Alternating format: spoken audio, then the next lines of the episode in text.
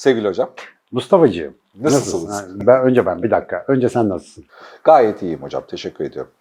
İyiyim. yerinde. Hamdolsun. Çok Sen şükür. nasılsın? Ne yapıyorsun? Seni gördük daha iyi olduk. Bakalım bugün hangi arızalı mevzuyla izleyicilerimizin pazar gününe limon sıkacağız. Limon sıkacağız. Buluruz konumuzu ya adım adım ilerledikçe.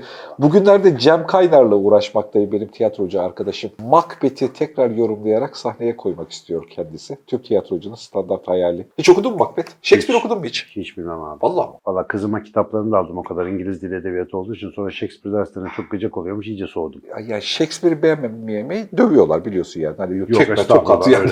şey. şeyde. Shakespeare'e ulaşamam ben herhalde. Yani ona bir konsantrasyon lazımdır diye düşünüyorum. Ya çok tuhaf yani İngiliz edebiyatının PR'ı zannediyordum ama öyle değil yani. Ee, gerçekten Yok, bir yok, beceri, evet. ha, bir beceri, bir yakalama ya da konuyu ele almada bir bir üst level var ama tabii o da yani güncel değil, şimdinin kafası değil. Ama mesela Macbeth'te o dönem için, o dönem kafasıyla bakarsan çok enteresan bir o kişinin içerisindeki hırsı. Çok kısaca konusunu anlatayım, eğlenirsin. Prens bir savaş sonrası cadılarla karşılaşıyor. Cadılar ona üç tane kehanette bulunuyor. Kehanetlerden biri gerçekleşince biri işte bilmem ne prens olacak, bir şey olacak, bir de kral olacağım diyorlar buna. Birincisi gerçekleşince aha ben kral olacağım diyor. Kral olmak için gereken her şeyi yapıyor ve gittikçe kötüleşen bir adam oluyor. Kralı öldürmek dahil. Ve onun vicdan azabı, geri dönüşümü, yaşadıkları hikaye falan. Şimdi bunu psikolojik bir zihinde cadılar gibi bir şey kullanarak yani dışarıdan bir anlatı e, kullanarak şey yakalamış yani o kişinin içerisindeki hırs ve iyi ile kötü arasındaki dönüşüm öyküsünü, bir iyinin nasıl hırslarıyla beraber kötüye dönüştüğünü. Breaking Bad'in orijinali. Aha, aha yani Hmm. işte o, o bir kafa, o Macbeth kafası falan sonra karısıyla beraber yaptıkları. Bu arada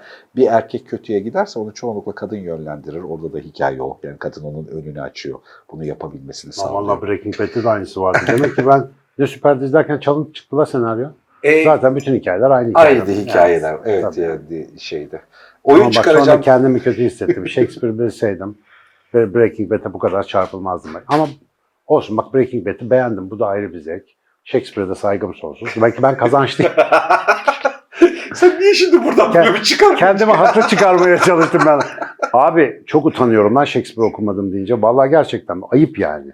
Şimdi düşününce o kadar adını duyduğun adamdan insan bir merak ederdim yani ama işte olmamış. Aslında çok şimdi- şaşırtıcı efektleri, çok bambaşka bir kafası var. Ben e, Romeo Juliet hikayesini daha okumuştum detaylı bir şekilde. Başka bir proje konuşurken falan.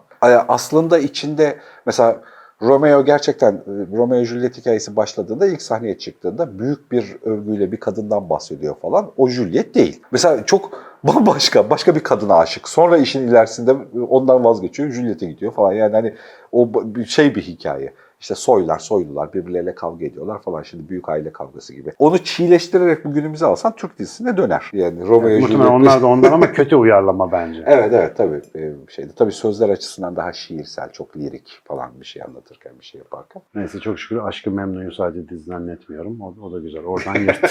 Arada sponsorumuzu da söyleyeyim. E, şeyde Berk Storytel'de Sesli Hali de var. E, Cem'e hava atmıştım. Ha, var mı? Var var. Var. Shakespeare'in eserleri harbiden var. Bu sefer bak. Can Canan e, fanlarına sözüm olsun. Gülhane Parkı'nda yürürken dinleyeceğim. Gülhane Parkı'nda yürürken kitap dinlemek çok zevkli abi ya. Bu arada en kısa e, tragediyası bir buçuk saat falan bir şeyde seslendirmesi. Vallahi mi? Ha, bir buçuk saatte Macbeth nedir falan. Tamam, tam benim yürüyüş sürem. Süper. Yepyeni bir tiyatro oyunu olarak Türkiye'ye uyarlamasıyla beraber de şey yapacağız. Hadi inşallah. bir çalışacağız. Davet edersiniz, haberdar edersiniz. Gideriz. Hayatta böyle böyle şeylerle ilgileniyoruz. Tiyatro, oyun, yazalım, heyecanlanıyoruz falan. Bunların hiçbirinden doğru düzgün para kazandığımız da yok. Yani bir şeyde yani hani statü desen hiç yok. Yani izleyen dövüyor, bir şey yapan arka tarafta. Tiyatrocu musun? Niye? Falan yani. Gerçek iş olarak ne yapıyorsun? ne yapıyorsun diye. Ya da işte başka şeylerle uğraşıyorsun. Sen de öyle deli deli bir sürü bir şeylerle uğraşıyorsun arka tarafta. Çoğundan düzgün bir para kazancı da yok falan yani. Emek sarf ettiğin, hayatında günlük motivasyondaki emek sarf ettiğin şeylere bak. Ciddi bir kısmında yok. Bazen insan kendine gerçekten niye buna motive oluyorsun? Yani ne- nasıl bir anlam buluyorsun da bunu yapıyorsun? Niye? Bir de böyle yapmayı istiyoruz. Cem'e ben musallat oldum. tamam? Hani böyle bir şey yapacağım deyince ya abi ben de işin içerisine gireyim. Dur şurasından da ben tutayım falan diye. Bu hayatın anlamı hikayesi mevzusu. Nasıl anlamlandırıyor sence? Ya da seni seni ne motive ediyor? O tam da bugün uygulamalı nörobilimi son ek dersini yaptıydık. Orada da böyle bir yükseldik. Konuyla ilgili. Yani aslında bilmiyorum ki mesela benim hayatta motive eden şeyi anlatmam ya da dile getirmeye çalışmam doğru mu onu da bilemiyorum. Çünkü o kadar özel ve halüsinasyona benziyor ki aslında biraz böyle lafa döktüğünde yani. Yoksa içinde yaşarken son derece işlevsel ama belki de işte Buda'nın bilen anlatmaz anlatan bilmez dediği hikayeye benziyor. Anlam öyle bir şey olsa gerek. Ama yani insanların ortak noktalarına takık bir adam olarak belki şunu söyleyebilirim. Öleceğini bilen tek canlı olarak ölmeden evvel ölümsüzlüğün peşinde bir şey yapmak hoşumuza gidiyor. Mesela ölümsüzlük ihtimali taşıyan şeyler bize hep fani olan şeylerden daha iyi geliyor. Kalıcı bir şey bırakmak. Mesela bir müzik eseri, bir kitap, bir, bir şey ortaya bir şey koymak ya da bir fikirle insanları etkileyip dalga dalga o fikrin senden sonra konuşulmasını sağlamak. Diyorlar ya işte senin rüyanda, rüyasında son gelen ölünce adam en son konuşuyor, önce gelse ölürsün falan. Bunu istemiyoruz galiba. Galiba değil, kesin istemiyoruz. canım. Kim ölmeyi ister neticede? Şimdi bu tabii çok Bu arada buna bir şey söyleyeceğim. Hı. Mesela yani Dostoyevski ölümsüz değil mi? bilmiyorum herhalde. Yani Yani bu anlamda adı biliniyor. Biliniyor. Ölmüş kendisi ama. ha e, şeyde tabii fiziken ölmüş ama hani bu söylediğin anlamda ölümsüz olmayı istiyoruz anlamda.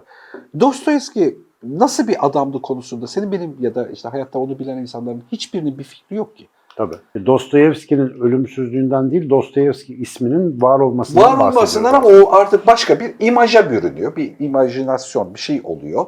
Ve o, o imajın kendisini biliyoruz. Yoksa Dostoyevski'nin gerçekliğiyle gerçekten ne hisseder, ne zaman üzülür, ne zaman mutlu olurdu, ne zaman ne yapardı falan hiçbir fikrimiz yok. Aslında öyle bir pratik ölümsüzlük de teknik olarak mümkün olmuyor. Şu anda çözdüm olayı. Yani bu konuyu açtım ve olayı çözdüm. Ya, tövbeler estağfurullah. Çözdüm derken o anlamda değil ama yani mini bir aydınlanma var. Şu ki biyolojide Anaximandros mu ne hangi abisi o ilk evrimle ilgili konuşan tam hatırlayamadım. Anaksili bir şey. o mesela demiş ki önemli olan canlılığın kendisidir. Bizler her birimiz canlı bireyler olarak geçici varlıklarız. Ana fikir canlılıktır. Bizim bedenlerimizin yok olması üzerinden gelip Yani gelip arılar, karıncalar, hepsi dahil. Tabii tabii. Bunun gibi mi? Hayır hayır. Her bir canlı birey kendisi bir hiçtir. Ama o canlı bir başka canlıyı doğurarak, o bir başka canlıyı doğurarak, trilyonlarca canlı böyle doğup ölerek, doğup ölerek canlılık diye bir fikrin devamını sağlarlar. Dolayısıyla burada asıl olan yani devamlı olan canlılık dediğimiz şeyin kendisidir. Ölümsüz olan aslında canlılıktır. Şimdi insana geldiğinde mesela yavru yapmak bizi tatmin etmeye yetmiyor. Hele ki şu medeni dönemde bunu çoğumuz daha iyi anlıyoruz. Ki insan binlerce yıldır böyle. Mal, mülk işte hepsi bir yerde kalacak, bir şeyler olacak. Ve biz bir anlatıyı taşımak ya da bir anlatı yaratmak istiyoruz. Ki bizden sonra aktarıla aktarıla devam etsin. Yani ölümlü bir şeyin ölümsüz olana aracılık etmesi fikri galiba hoşumuza gidiyor. Canlılıktan aldığımız bir ilham bu muhtemelen. Ben canlılığın bir taşıyıcısıyım ama gideceğim abi. Zaten 7 senede bir bütün vücudum değişiyor. 7 sene önceki adamla alakam yok. Bu beden aslında ben değilim bu anlamda baktığında. Yediğimden içtiğimden sürekli beden yenileyerek gidiyorum. Ve bir süre sonra beden toprağa düşüyor, dağılıyor. Ama bütün o deneyim, o zihinsel süreç, en materyalist adam bile. Geçen işte Ali Nesin'i dinliyorum. Ee, Bir televizyon programına çıkmış. Babasını anlatıyor. Aziz Nesin bayağı bildiğimiz ateist. Hani ateizmi sağlam savunan ateistlerden bir tanesi.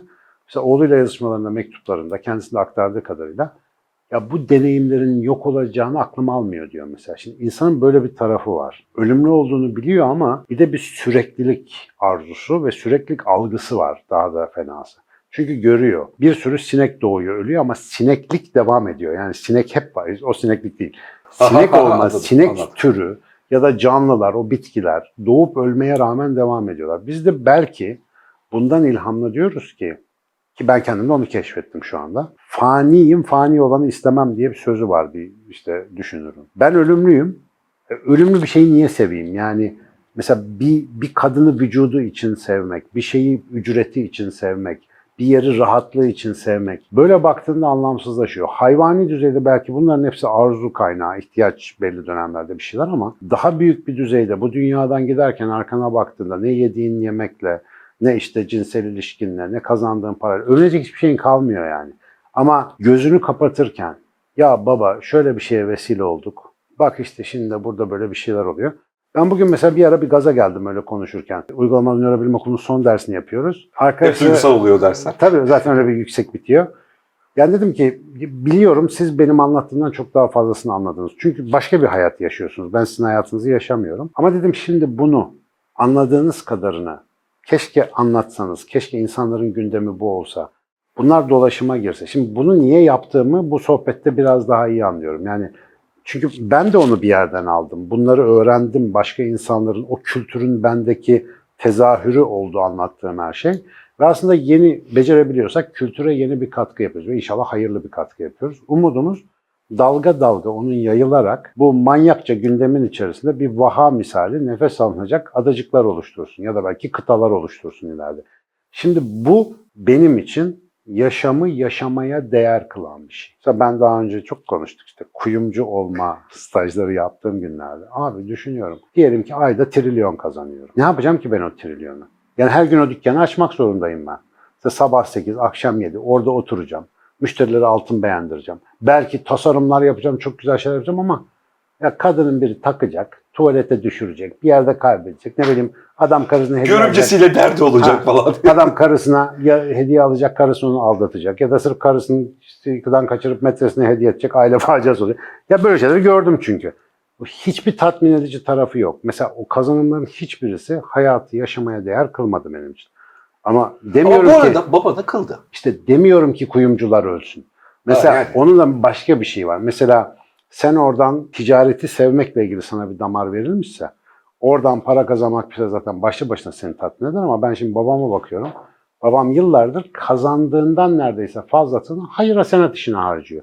Onun da anlamı orada. Bir sürü bir şeyler öğrenci okutuyor, o yapıyor, bu yapıyor, bir şeyler yaptırıyor falan. Hatta çoğu zaman biz araba alamıyoruz, babam sağa sola dağıtıyordu diye annem kızıyordu mesela. Şimdi onun da hayatını anlamlandırma yöntemi böyle. İşte bir başka tanıdığım işte kardeşim gidip kamplar mamplar yapıyor. Sürekli tabiatı gezeceğim, keşfedeceğim.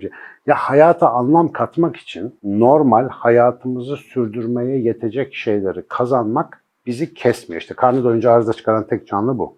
Ama nedeni ömrümüzden büyük bir anlama ihtiyacımız var gibi geliyor bana. Hepimizin ortak noktası var. Ben hayatın anlamı şudur demeye çok çekiniyorum. Bugün Twitter'da da sordum. Anlat hayatın anlamı nedir? Ya ne bileyim ben senin hayatın anlamını. Çünkü şöyle bir şey oluyor. Hayatın anlamı budur dediğin zaman birileri gerçekten aynısını yapmaya çalışıyor ama yani öyle bir şey değil o. Dilara Üsküdar Üniversitesi'nde TEDx konuşması yapmış. Hı. Ee, şeyde Dilozof. Ee, Evet. Bu arada arkadaşlar YouTube'da gerçekten bak bir YouTube kanalı olarak tavsiye edebileceğim çok güzel kanallardan bir tanesi. Ailecek ta- takip ediyoruz Dilozof'u. Evet evet gerçekten çok düzgün, çok ödevini yapıyor. Çok tertemiz. Geçen gün de bir açıklaması Evet. olmuş. İnci gibi dizmiş Çok yani. çok tebrik ediyorum. Yani sırf kitap yazmış olmak için kitap kitap yazamam. Şu anda uğraşamam o işlerle diye. Ama bir kitap yazsan iyi olur. Yani kitap yazman gerektiği için yazarsan çok güzel olur demek istiyorum. Evet yani en azından şu anda ne yapıyorsa çok tertemiz yapıyor. Yani gerçekten anlamlı bir e, bağlam oluşturucusu.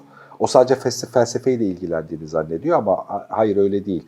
Kendi yaş kuşağı için, daha 30'lu yaşlarının başında kendi yaş kuşağı için bir bağlam kurgusu kuruyor. Yani bambaşka bir şekilde de hayat yaşanırla alakalı bir sürü çok tatlı yerden şeyleri var. Ektikleri çok güzel. Evet, e, bu şeyde çok da etkilenerek takip ediyorum gerçekten. E, bu hayatın anlamıyla alakalı bi- bir şey konuşmuş. Yani bu seninle seneler öncesinde, bu 3 sene, 4 sene öncesinde hayatın anlamı hikayedir'e, anlam nedir aslında hikayedir'e bağladığımız yerde bağlamış. Yani anlam bir bağlantı. Yani seninle bir başka şey, şeyin kendisi değil. Şeye doğru atadığın bağlantının kendisi. Yani ilişkilendirme hali. Zihinsel bir sanal Evet. köprü aslında. Sanal köprü. O ilişkilendirdiğin iki ayrı şeyin zaman mekanda birbiriyle bir ilişkisi olduğunu düşünmeye anlamlı buluyoruz. Sorun bizim anlamlı bulduklarımızla alakalı. Hani anlam, hayat anlamlı mı, yaşamaya değer mi? E, yaşıyoruz hep beraber ve yaşamaya değer, eğlenceli de buluyorum. Yani çok tuhaf hala. Ha, dün korktum mesela yani. Hayatımda spesifik zamanlardan bir tanesiydi yani hani hafiften. Kız arkadaşımın babasıyla tanışmaya gittim ve korktum Ha, yani. evet. Gergin bir durumda. Ha, yani hani hayatımda 49 yaşında adam yani böyle hani tuhaf bir şeyde andı. 50'ye olunca rahatlıyorsun merak etme. 49'da biraz gerginlik yapıyor ama. Güzelmiş. Yok, Peki. her zaman geldi. Biraz erken başlamışım yapmaya o zaman şeyde. Şimdi bu yani hani bu, bu- demek ki korkuyorsam aynı zamanda yaşamaya değer bir şey var. Yani onunla alakalı o hissi hissediyorum yani. Depresyonda değilim ya da kendimi kötü hissetmiyorum. güzel. Evet, Evet. korkuyorsan. Korkuyorsan yaşamaya değer bir şey evet var. yaşamaya değer bir şey var. Ama e, bir şeyi de anlamlı seçme yani bir şeyin anlamlı olduğuna karar verme. Onun için çaba sarf etmiş az önceki anlattığım gibi. Yani ne işim olur Shakespeare'le Macbeth'le yani iletişimci adamım bambaşka şeyler. Ama yine de motivasyonum var onu da anlayayım. Orada onu üretelim birlikte yapalımla alakalı Derinlik abi. bir şeydi. Hani nasıl seçiyorum? Sen de böyle deli deli tonla şeyle uğraşıyor.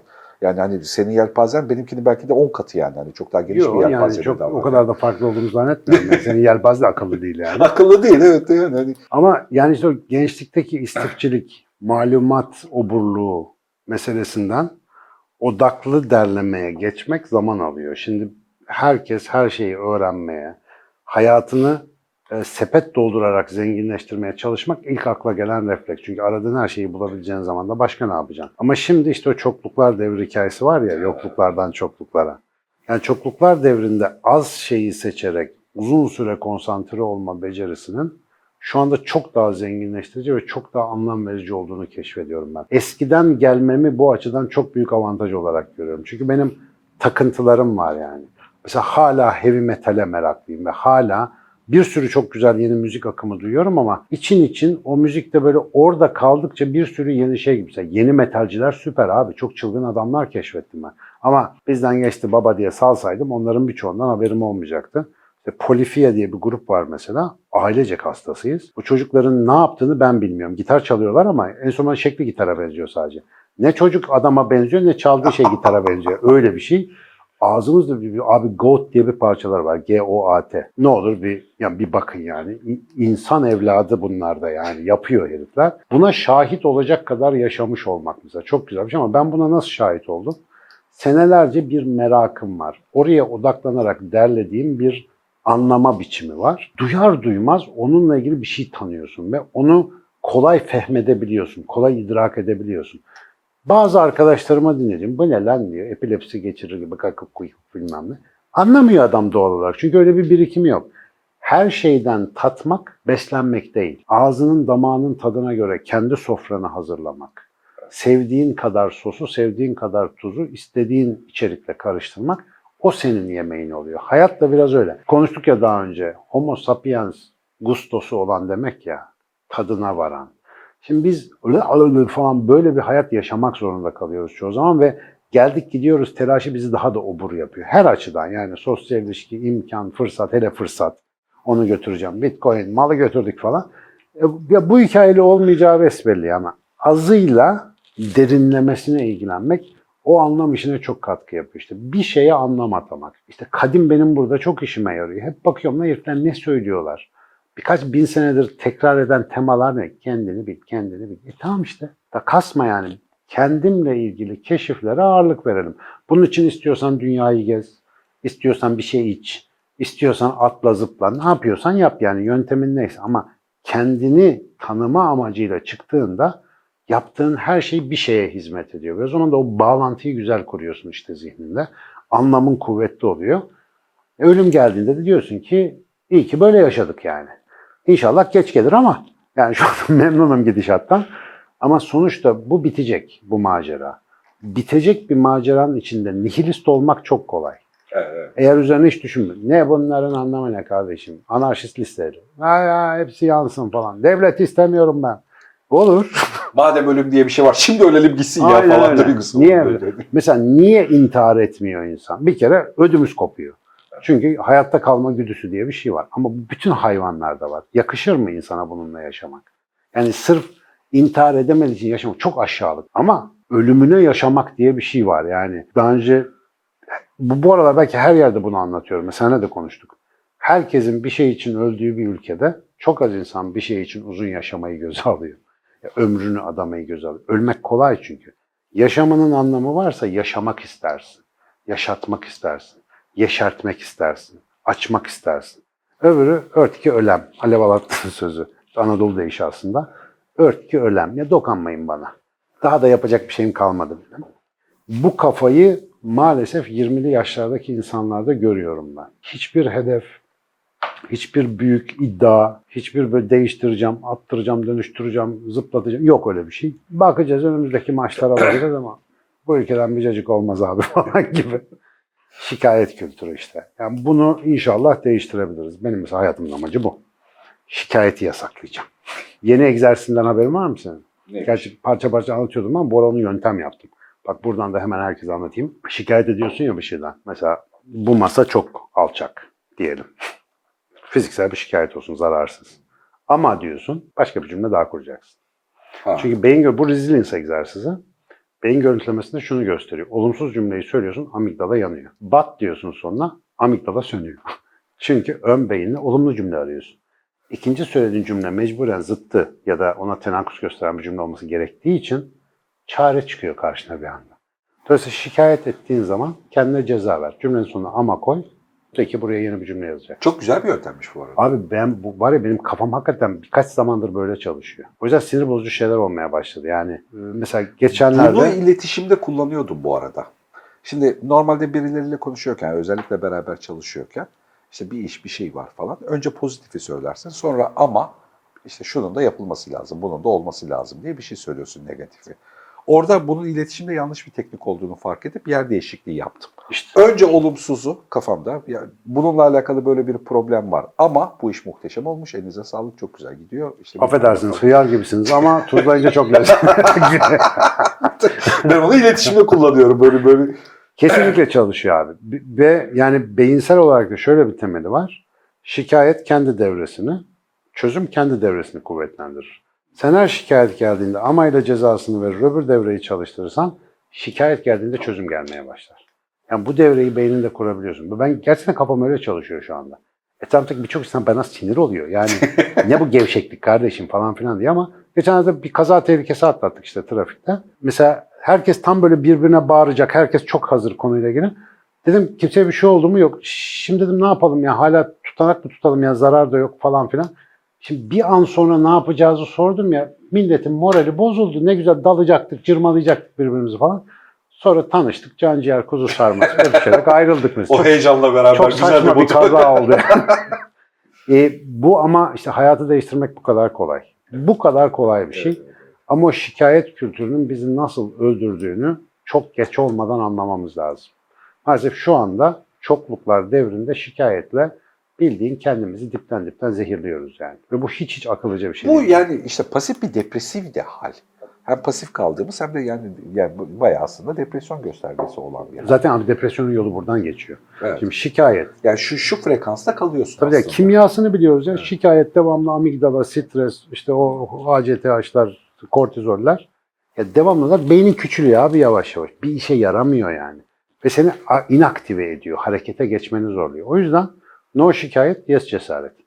Şikayeti bırak, cesarete bak. Nasıl güzel motto.